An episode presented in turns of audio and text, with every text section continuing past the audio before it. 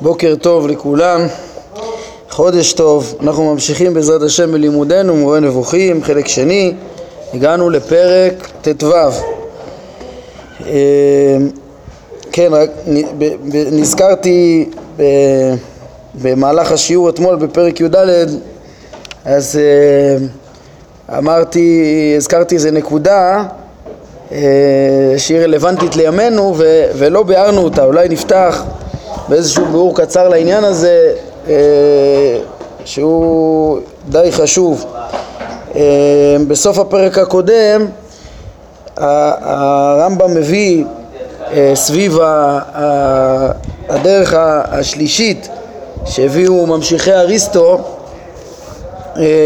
גם כן טענה כזאת שלהם, כן, הדרך השלישית הם אמרו שמעשה השם, כל המציאות היא כזאת שלמה, אז זה הכרחי שהיא תהיה תמיד, שתמיד הוא ישפיע את המציאות הזאת.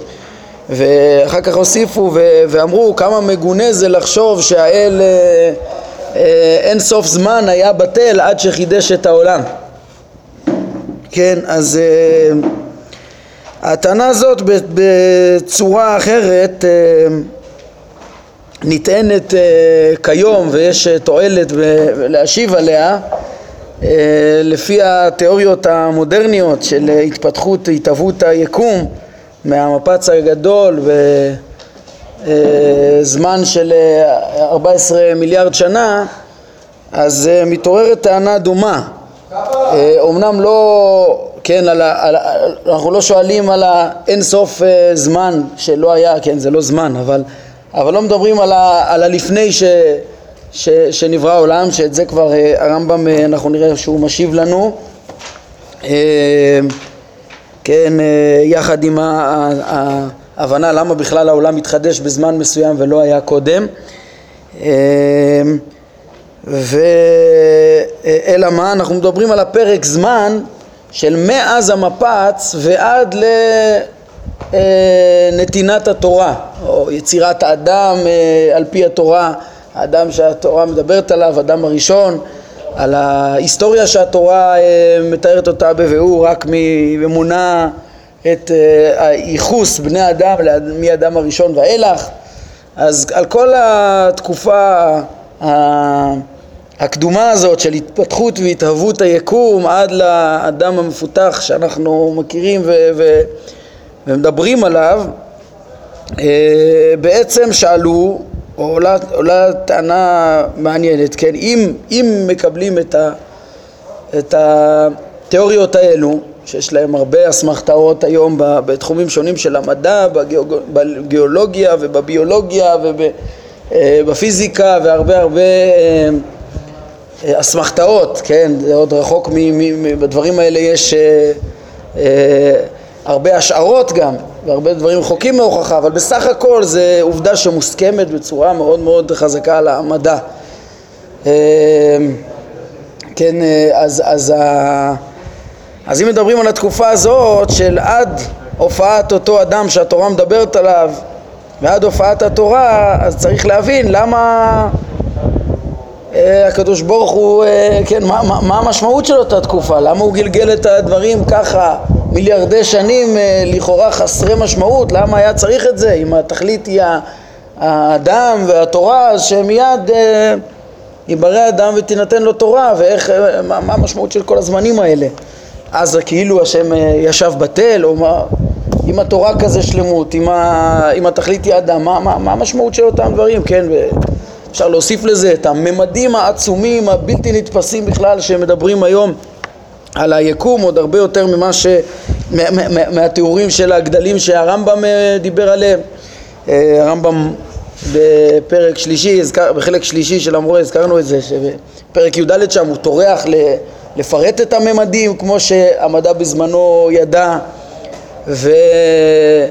וללמד אה, מתוך כך שאדם יכיר את מקומו ויגיע לאהבת השם, מהתפעלות מחוכמתו ועוצם מעשיו ויראת השם גדולה, כמו שהיינו גם בהלכות יסודי התורה. אז אה, שם הוא מתאר את הגדלים והיום יודעים פי כמה וכמה. אז מבינים שיש כל כך כזה, כאלה ממדים עצומים של פלנטות בלתי נתפסות ומרחבים בלתי נתפסים וכדומה, ותהליכים ארוכי טווח של זמנים בלתי נתפסים, ועל כל הדברים האלה צריך לשאול תכליתם. אה, שוב, בהנחה שהם אה, מקבלים את התיאוריות המדעיות עם אסמכתאותיהם בנושא הזה. אז שוב, זה לא השאלה של, של הזמן לפני שהתחדש משהו, אפשר גם לדייק שזה גם לא השאלה של... יש עוד שאלה שעסקו בה הראשונים, שגם, וה, וה, והאחרונים, וגם לרמב"ם יש מה לומר בזה, שזה קצת שייך לעניין, אז אולי נפרש גם את זה. אה, למה התורה לא ניתנה מיד לאדם הראשון?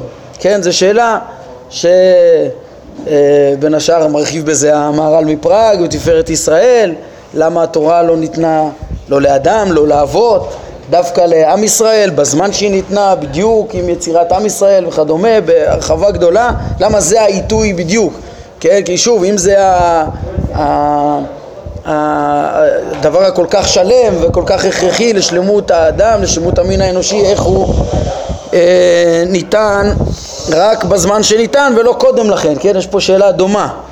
אז כמו שאמרתי, עסקו בזה, הזכרתי את המהר"ל, עסקו בזה גם הראשונים על פי דרכם, לפי ספר העיקרים אה, ניתנה תורה לאדם וכל דור ודור ניתן לו הדרכה שלו ו... אה, וגם לרמב"ם יש מה לענות בזה, בשאלה השייכת הזאת של אה, העיתוי למתן תורה. אצל הרמב"ם אפשר לראות בפירוש המשנה הרמב"ם עוסק במהות ההלכה, במשמעות שלה, בתכלית ההלכה ו, ו, ו, ושם, אה, כן, הוא מבאר איך שהיא ההליכה על פי החוכמה וכשהוא הוא, הוא מתקשה בהתחלה, הוא מציג את זה סביב מאמר של חכמים שאין לקדוש ברוך הוא בעולמו אה, אלא ארבע אמות של הלכה. כן, הרמב"ם כנראה לא, לא גרס את המוכח מהדברים שלו שם שהוא לא גרס את, את המאמר כמו שהוא אה, מוכר לנו שמיום ש... חרב בית המקדש אינו לקדוש ברוך הוא לדלת אמות של הלכה, כן? כי הרמב"ם על המאמר הזה הוא מאוד תמה, הוא אומר מה לפני ש, שניתנה תורה כל, כל ה, לא היה לקדוש ברוך הוא בעולמו כלום, מה הכל זה הבל, מה הכל זה בטלה? והמסקנה של הרמב"ם שם זה שלא, מה פתאום, בוא, עומק המאמר אה, מתברר אחרי שמבינים מה באמת תכלית כל המציאות, הוא אומר שתחת גלגל הירח הוא עוסק שם שהתכלית של הכל, כמו שגם הסיקו בקיאי הפילוסופים, זה אה, אדם חכם וטוב, כן, האדם הוא התכלית של כל מה שיש תחת גלגל הירח, הוא היצור השלם והמפותח ביותר, ומה תכליתו? תכליתו לדעת את השם בכוח העליון ביותר שניתן לו, בשכלו, בדעתו, ולהיותו ולנהוג על פי החוכמה, וזה שלמותו. וזה בעצם ודאי שהיה מאז שנברא האדם. כן? זה התכלית. התכלית היא קודם כל דעת השם והמוסר והליכה בדרכיו.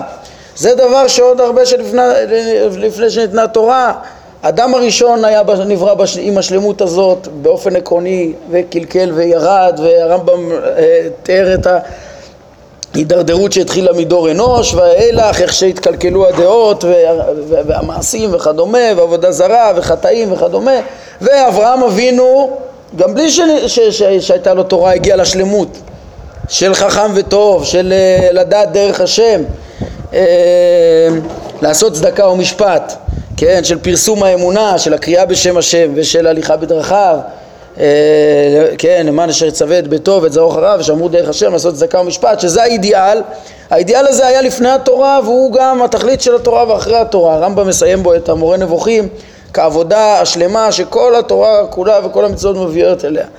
כן, אחר כך הרמב"ם אומר שם בפירוש המשנה שהעניין של ההלכה הוא בעצם, אה, העניין של ההלכה הוא, הוא, הוא בעצם להוביל, להוביל את האנושות, זה בעצם כלי, כן, דיברנו על זה, הטובה הגדולה שהשפיע הקדוש ברוך הוא ליישוב חיי העולם הזה כדי לנחול חיי העולם הבא, להביא את כלל ישראל אה, ובעקבותיהם אחר כך את כל העולם, את כל האנושות שתמלא הארץ דע את השם ולהביא, אבל זה כלי, גם לפני כן היה התכלית חכם וטוב, אה, דעת השם ומוסר וגם התורה היא, היא, היא, היא, לשם היא, היא מביאה, כן, אז לגבי השאלה של למה התורה ניתנה בעת שניתנה, יש לזה אה, הסבר היסטורי ואין מה להקשות למה לא ניתנה קודם כי בעצם השלמות הייתה מצויה גם קודם, כן? אלא היא חסד וטובה שהקדוש ברוך הוא נתן הדרכה כל כך שלמה שבאמת מביאה לשלמות, זה לפי הרמב"ם. אבל בעצם אז נגעתי בשני קצוות של שאלות ש...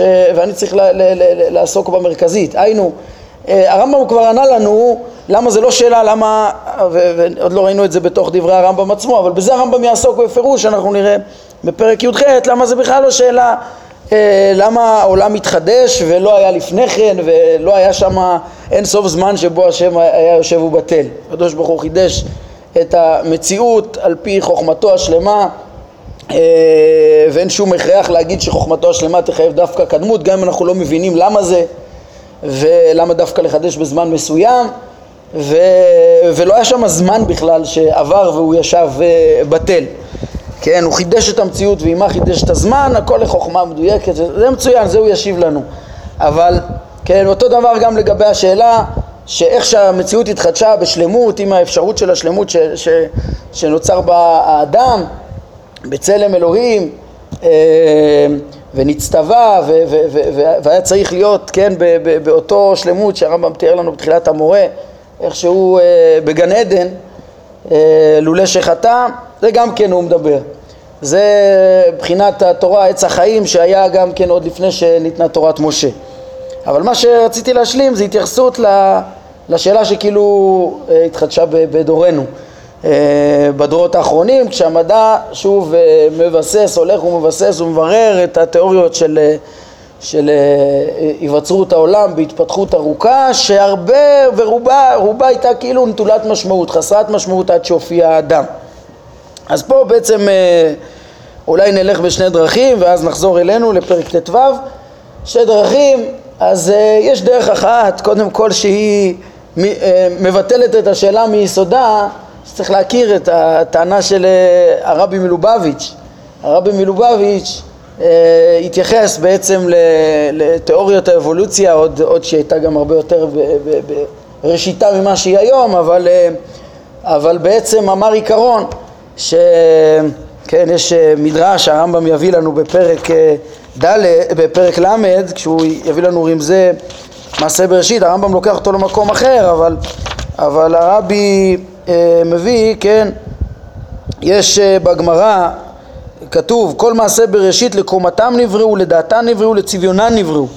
אז uh, הרבי מלובביץ' אומר שנכון שבטבע אנחנו יכולים לזהות אותו כאילו גיל העולם הוא, וגיל היקום בכלל הוא, הוא מאוד מאוד גדול, כן, ואנחנו פוגשים את המציאות כאילו בשלב של תהליך, תהליך מתמשך שאם אתה מנסה לעקוב אה, אחרי הקצב שלו וה...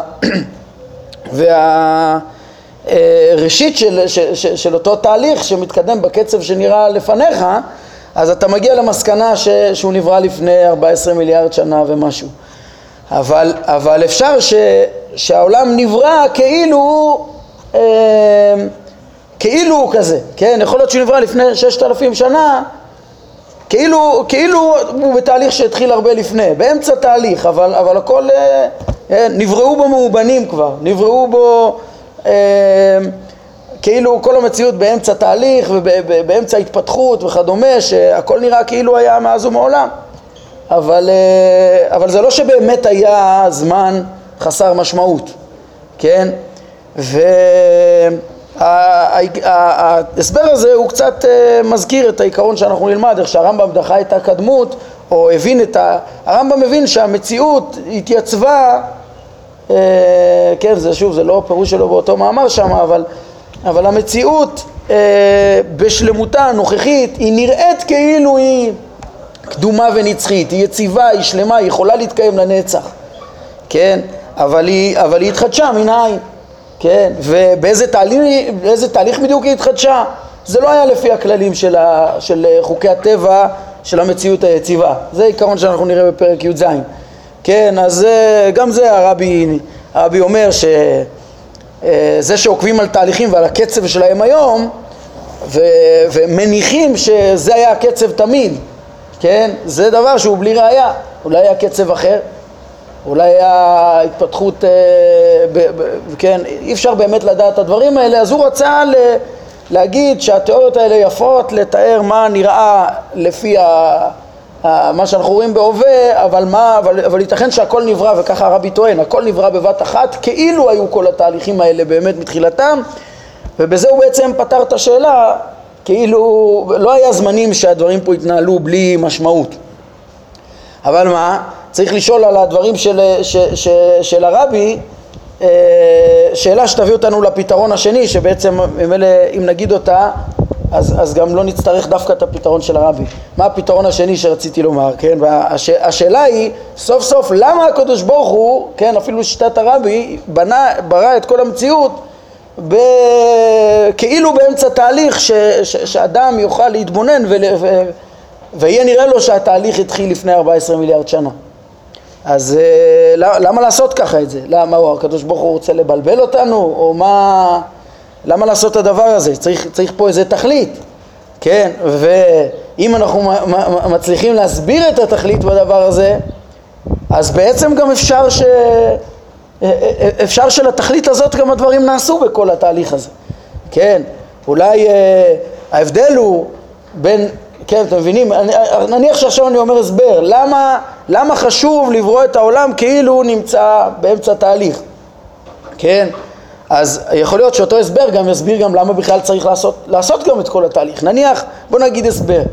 אה, בחובות הלבבות הוא אה, ב- ב- בסוף שער הבחינה אה, טוען שהקדוש ברוך הוא סידר את כל הבריאה כולה בחוכמה אה, וכאילו בסדר של סיבה ומסובב ובחוכמה עצומה, פלא פלאים הכל בשביל שהאדם יוכל לעמוד על חוכמתו, משהו מחוכמתו של בוראו, הרי את חוכמתו שהיא עצמותו אי אפשר להשיג כפי שהיא, אבל אם רואים חוכמה עצומה בבריאה שהיא מכוחו, ו... אז אפשר להבין את גודל חוכמתו ואת גודל חסדו, ו... ודווקא אם זה יהיה בסדר, אפשר לראות את החוכמה. אם זה סתם היה בלגן, אה, הבורא, בורא ברצונו, אולי היינו רואים את החסד, אבל לא היינו רואים את ה... אה, חוכמה. אז כן, במיוחד לפי ספר חובות הלבבות הוא גם מלמד וסוף שער עבודת אלוהים ושער הביטחון ש, שמבחינתו אין טבע, לפחות במובן מסוים אה, אין טבע, הכל הבורא יוצר ברצונו והטבע לפחות במובן מסוים צריך להעמיק בשיטה שלו בפני עצמה אבל אני אומר בכלליות במובן מסוים אין טבע והכל בגזרה אלוקית. אז, אז למה, אז, אז עוד יותר, אז למה צריך את כל, ה, את כל הסדר הזה? כי זה מלמד אה, את האדם דעת השם והיחס הראוי להשם, לא, לא רק הכרת הטוב, גם הכרת גדלותו של השם וכדומה. כן, אז תשימו לב, יש שם בעצם עיקרון בחובות הלבבות, ש, שיש כאילו נראה טבע וסדר בשביל שנדע את השם. ככה היה אפשר להסביר גם את השאלה אה, למה שהבורא יבנה את הכל בטבע וכאילו בתהליכים לפי, ה, לפי הרבי? אה, כן, כדי שנכיר את השם ואת עוצם חוכמתו וכל הטבע מלמד על עוצם חוכמתו. עכשיו אשתא דעתית לאחי, אמרתי, אז אפשר אולי גם עם ההסבר הזה גם להבין למה לא רק הקדוש ברוך הוא עושה כאילו הוא מראה לנו בטבע, כן, בשונה מחובות הלבבות. רוב הראשונים מבינים שהקדוש ברוך הוא באמת מנהג עולמו בטבע ובאמת הטבע הוא שלם ומסודר וחכם וצודק וזו באמת הנהגה ישירה ושלמה. כמו שנלמד בחלק ג' של המורה בפרקי ההשגחה הטבע קודם כל ואז ההשגחה ונראה איך שהכל שלם וצודק ולא סתם הקדוש ברוך הוא מנהיג ככה תמיד את עולמו. כן? זה תמיד הוא, זה, זה, זה בהשגחה עקיפה, הוא סידר פה כוחות וסדרים שתמיד התנהגו אז אם ככה גם אפשר שהוא גם את הסדרים האלה, המסודרים, המתפתחים, הוא גם ייצר מלפני אה, שלושת אלפים, אה, או סליחה, ארבע עשרה מיליארד שנה, כן? אז זה, אלא מה, שההסבר השני הזה שאני אומר, הוא כאילו קצת יותר מאתגר מה, מה, מה, מה, מהתשובה של הרבי, משתי סיבות, א', פרשנות המקרא, שהרבי יכול לפרש אותה כפשוטו לגמרי וגם בזמן הרמב"ם אנחנו נראה איך שהוא יכל להבין את, אה, את משמעות הפסוקים בבראשית אה, כתהליך שמתפתח, כן הרמב"ם יאמר אפילו כחיצוניות נראה את זה בפרק י"ז, אפשר להבין אפילו כפשט הכתובים, להבין שזה אפשרי. אחר כך יהיה לו עוד קצת עיונים בזה, איך להסביר בדיוק מה הכוונה שהיה שם. אה, אבל בעיקרון, אם העולם לא, כן, כל הטבע שאנחנו מכירים הוא יתחדש בזמן מסוים ולפני כן היה תהליך שלא צריך להיות לפי אותם חוקים, אז, אז אפשר לקבל את כל הפסוקים כפשוטם, גם לפי הרבי, גם לפי הרמב"ם. לפי ההסבר שאני אומר עכשיו, אז זה יותר מאתגר להבין מה התורה רצתה ללמד אותנו בתיאור ה, ה, של ש, ש, ששת הימים, אה, כש, כשזה לא מתאים לתיאורים אה, ו, ו, ו, ו, ש, של המדע, כן? דרך אגב, יש פה בישיבה הרב יצחק אורלן, אברך החשוב הרב יצחק אורלן כתב ספר לתאם את הדברים, כן? אבל אני אומר גם בשביל מי שלא משתכנע בפרשנות המחודשת שלו, איך לתאם את, ה, את התיאור המקראי עם התיאוריות המדעיות, כן, שזה לא פשוט לקבל את הדברים שלו, מאוד מחודשים ויפים, אפילו, אז, אז צריך להבין למה, מה התורה כן באה ללמד שמה באיך שהיא תיארה, אה, אז זה אתגר אחד. אתגר שני, זה בעצם השאלה שבשבילה פתחנו את כל העניין, זה, זה הרבי אומר, הקדוש ברוך הוא לא היה, היה יושב ובטל מאז uh, המפץ הגדול ועד ש, שנברא אדם, שהתורה התחילה למנות את שנותיו ואת uh, תולדותיו, כן? ו... אה, אלא מה, שכן, אצלו באמת לא היה דבר כזה, באמת הכל נברא ישר עם משמעות ו... ולא היה דבר כזה. ואני אומר, אלא מה, שאותו הסבר הוא, הוא, הוא גם יכול להסביר, כן, שקדוש ברוך הוא לא רק יעשה כאילו טבע, אלא באמת יברא טבע מסודר, שיש לו תכלית ויש, לו, ויש פה תהליכים ארוכים, ובכוונה החוקים הם מסודרים בצורה הדרגתית ומסודרת וטבעית, וזה דבר ש... ש כן, ומשמעותו היא בסוף הפרי שיצא ממנו. זה לא שהוא ישב בתל, זה, זה לא שהוא טורח בדבר הזה בכלל, אלא הוא יוצר מציאות שמתפתחת על פי חוקיות, כי יש ערך שהדברים ינוהלו על פי חוקיות אה, אה, בצורה מסודרת. אולי יש פה גם את ההבדל, ש... כן, יש פה איזה הבדל אה, לפעמים בעמדה, ש... בגישה, איך להתייחס לטבע, שדיברנו על זה בפרקים ב' עד י"ב, ש... שראינו שם איך שהרמב"ם היה מוכן להסביר מלאכים וכל מיני מושגים בתוך המערכת של החוקיות הטבעית שהקדוש ברוך הוא מהווה בה את המציאות, כן? אומנם אה, הם אה, נשגבים, כן? אבל הם הזכלים הנבדלים, ש, ש, ש, שהם השפע השכלי שדרכו הקדוש ברוך הוא מחיה את הטבע. אז וככה, לעומת הרמב"ן והכוזרי ש, ואחרים, שהרמב"ם אומר רוב, הוא מוצא רוב ההמון וגם החכמים שמנסים ל- ל- להבין דווקא את הדברים הפלאיים במציאות אה, כדברים, אה, דווקא את זה תופסים כדבר יותר נשגב. והרמב"ם יותר מתפעל מהחוכמה שבטבע. יש גם פסקה של הרב קוק, ציינתי את זה אני חושב, שהוא גם כן, הוא, יש לו פסקה מאוד דומה לשל הרמב"ם, שהוא מוצא את עצמו דווקא אה, מתפעל יותר מסדרים מסודרים הדרגתיים כן, אה, בשונה מהרבה שמתפעלים יותר משינוי הסדר והנס וה, והפלא. אה, כן, הרב קוק אומר שגם אצל המקובלים הגדולים אה, התרגלנו להבין שאפילו תהליכים רוחניים, אפילו סדרי ההשתלשלות על פי המקובלים ועל פי, כן, המקובלים הראשונים ועל פי הארי, הם גם כן תמיד מאוד מאוד מסודרים ומדויקים והרב קוק רואה את כל הדברים האלה כמהלך אחד שדווקא מסתדר, על פי זה הוא הוא מתייחס לתורת האבולוציה גם, שלדעתו זה מאוד, אה, מאוד מתיישב על ליבו, דווקא שזה עוד יותר ילמד על החוכמה והשלמות של מעשה ידי השם. אז זה, בזה הוא הלך עם הרמב"ם בחשיבה העקרונית, בגישה העקרונית.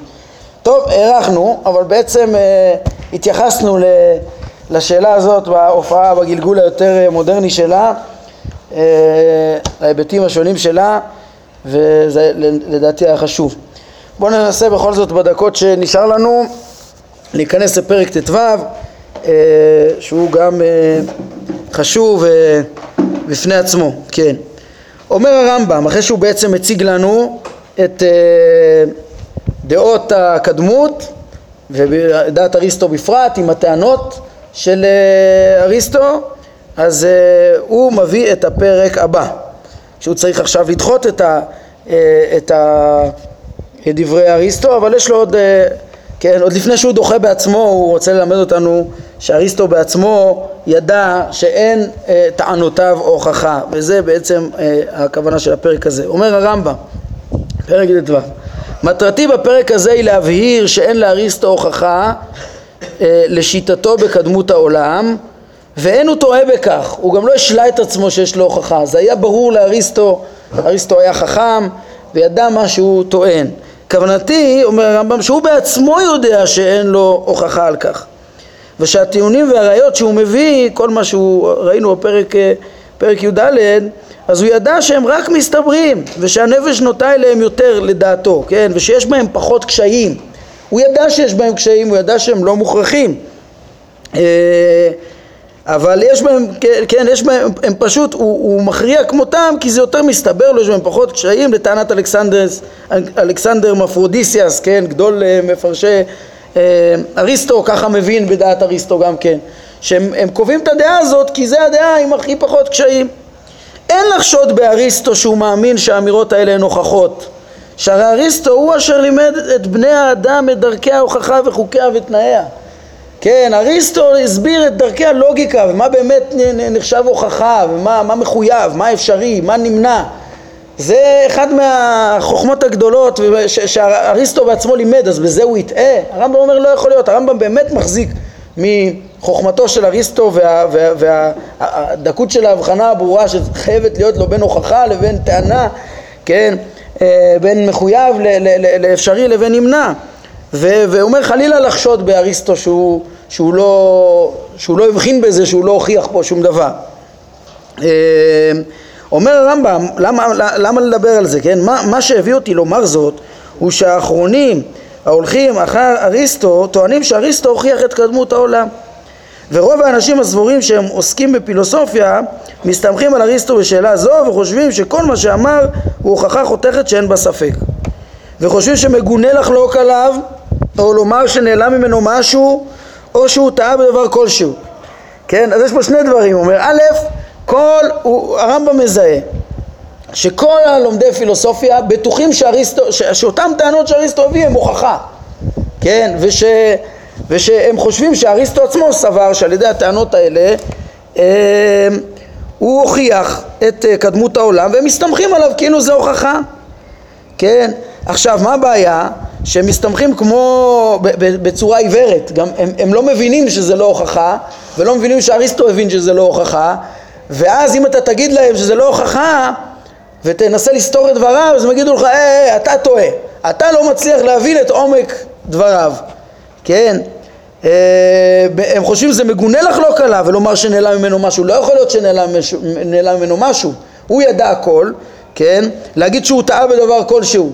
האמת שהרמב"ם עם כל אה, הערכתו לאריסטו, אנחנו נראה בפרקים הבאים י"ט עד כ"ד שהוא גם יגיד שהוא יכול לחלוק על אריסטו ויש דברים שכנראה אריסטו טעה בהם בבירור הרמב"ם יראה ואין לו בעיה להגיד שאריסטו טעה בכל מיני דברים והוא דן בכל הדברים לגופם, כן, לגופם של דברים וזה, אבל הוא רואה שאצל רוב, ה... שוב, רוב ההולכים בדרכי הפילוסופיה וכל ממשיכי דרכו אז uh, זה בלתי אפשרי להגיד שאריסטו טעה, יחד עם זה ש... כן, אז יש פה שתי טעויות. א', הם, הם, אה, הם חושבים שהוא הוכיח, ב', הם חושבים שבלתי אפשרי לומר שהוא טעה, כן? לכן אומר הרמב"ם, מצאתי לנכון ללכת איתם לשיטתם, ש... שיטתם שהם חושבים שאריסטו לא, לא, לא טועה, לא יכול לטעות, ולהעביר להם שאריסטו עצמו לא טען להוכחה בשאלה זו מדבריו, מדבריו בפיזיקה. הוא עכשיו הרמב"ם הולך לצטט ולהוכיח שאריסטו עצמו לא סבר שיש פה הוכחה. ממילא הוא ינצל מטענותיהם של כל החסידים השוטים של, של אריסטו, הפילוסופים, איך הוא אומר בהמשך, שהשפיעו עליהם היצרים, כן, התגברו עליהם היצרים, אפילו על הפילוסופים וכולי, ויגיד בהמשך הפרק, שכאילו מצדיקים את הדעה בלי, בלי שום ביסוס ענייני וגם אם תביא להם קושייה לא, לא, לא, לא יכול להיות שהוא טעה. אז הרמב"ם אומר טוב גם בשביל כאלה בואו נראה לכם שאריסטו עצמו אמר ש, ש, ש, שהוא לא הוכיח את הדברים ואז הם יסכימו לשמוע מהרמב"ם את הטענות שלו למה הדברים לא מוכחים. אם הרמב"ם רק היה סותר דבריו היו אומרים אה אתה אתה חושב ש, שסתרת את דבריו, אבל בטח לא הבנת אותו. כן, לא, אז אחרי שאנחנו מבינים שגם אריסטו עצמו הבין שזה, שזה לא הוכחה, אז אפשר גם להבין, לדון סוף סוף לגופו של עניין ו, ו, ולדחות את דבריו, וזה בעצם מה שהרמב"ם רוצה, הוא הציג את דברי אריסטו, רוצה לדחות אותם, אבל לפני כן, תראו שגם הוא בעצמו הכיר בזה שזה לא הוכחות ואין בזה הכרחים, כן, אומר הרמב"ם, לכן מצאתי נכון ללכת איתם לשיטתם ולהעביר להם שאריסטו עצמו לא טען להוכחה בשאלה זו, מדבר בפיזיקה, טוב, אני רואה שאנחנו בסוף הזמן, אבל אתם תראו מה שאנחנו נראה בעזרת השם. בפעם הבאה, זה שהרמב"ם פשוט מצטט את דברי אריסטו ממש אה, בלשונם ובתרגומם, כן, מתרגם אותם מספריו, ומראה שאריסטו עצמו לא הוכיח אה, את העניין, אחרי שהוא יטען את זה, אז גם ייגש הרמב"ם אה, להראות את הפרחה לכל הדרכים שראינו בפרק י"ד, כן, זה יהיה בפרקים י"ז וי"ח, ואחרי שהוא דוחה את הפרחה, אז הוא גם יוכל ואומר א', כבר אנחנו יכולים להסתמך על הנבואה, כן? ברגע שהראינו שהשאלה פתוחה, כן? כמו שהרמב"ם אומר בפירוש פרק ט"ז, ואחרי שהשאלה פתוחה אז, אז יש לנו עדות, אה, אין שום סיבה להתנגד לנבואה, יש לנו, להפך, חייבים להכרח לקבל אותה. יוסיף הרמב"ם אחר כך וטענות אה, בעצם מפרק י"ט ואילך עד כ"ד, טענות ויראה איך דווקא אה, יש קשיים רבים על שיטת הקדמות ויותר מסתבר החידוש. וזה בנוי בצורה מתוחכמת וחכמה וככה מחושבת איך, איך באמת יקבלו את הדברים, איך באמת הדברים יישמעו ובשביל זה בא, בא הפרק אה, שלנו. טוב, נשלים אותו בעזרת השם בפעם הבאה, נעמוד כאן להיום, ברוך אדוני לעולם, אמן ואמן.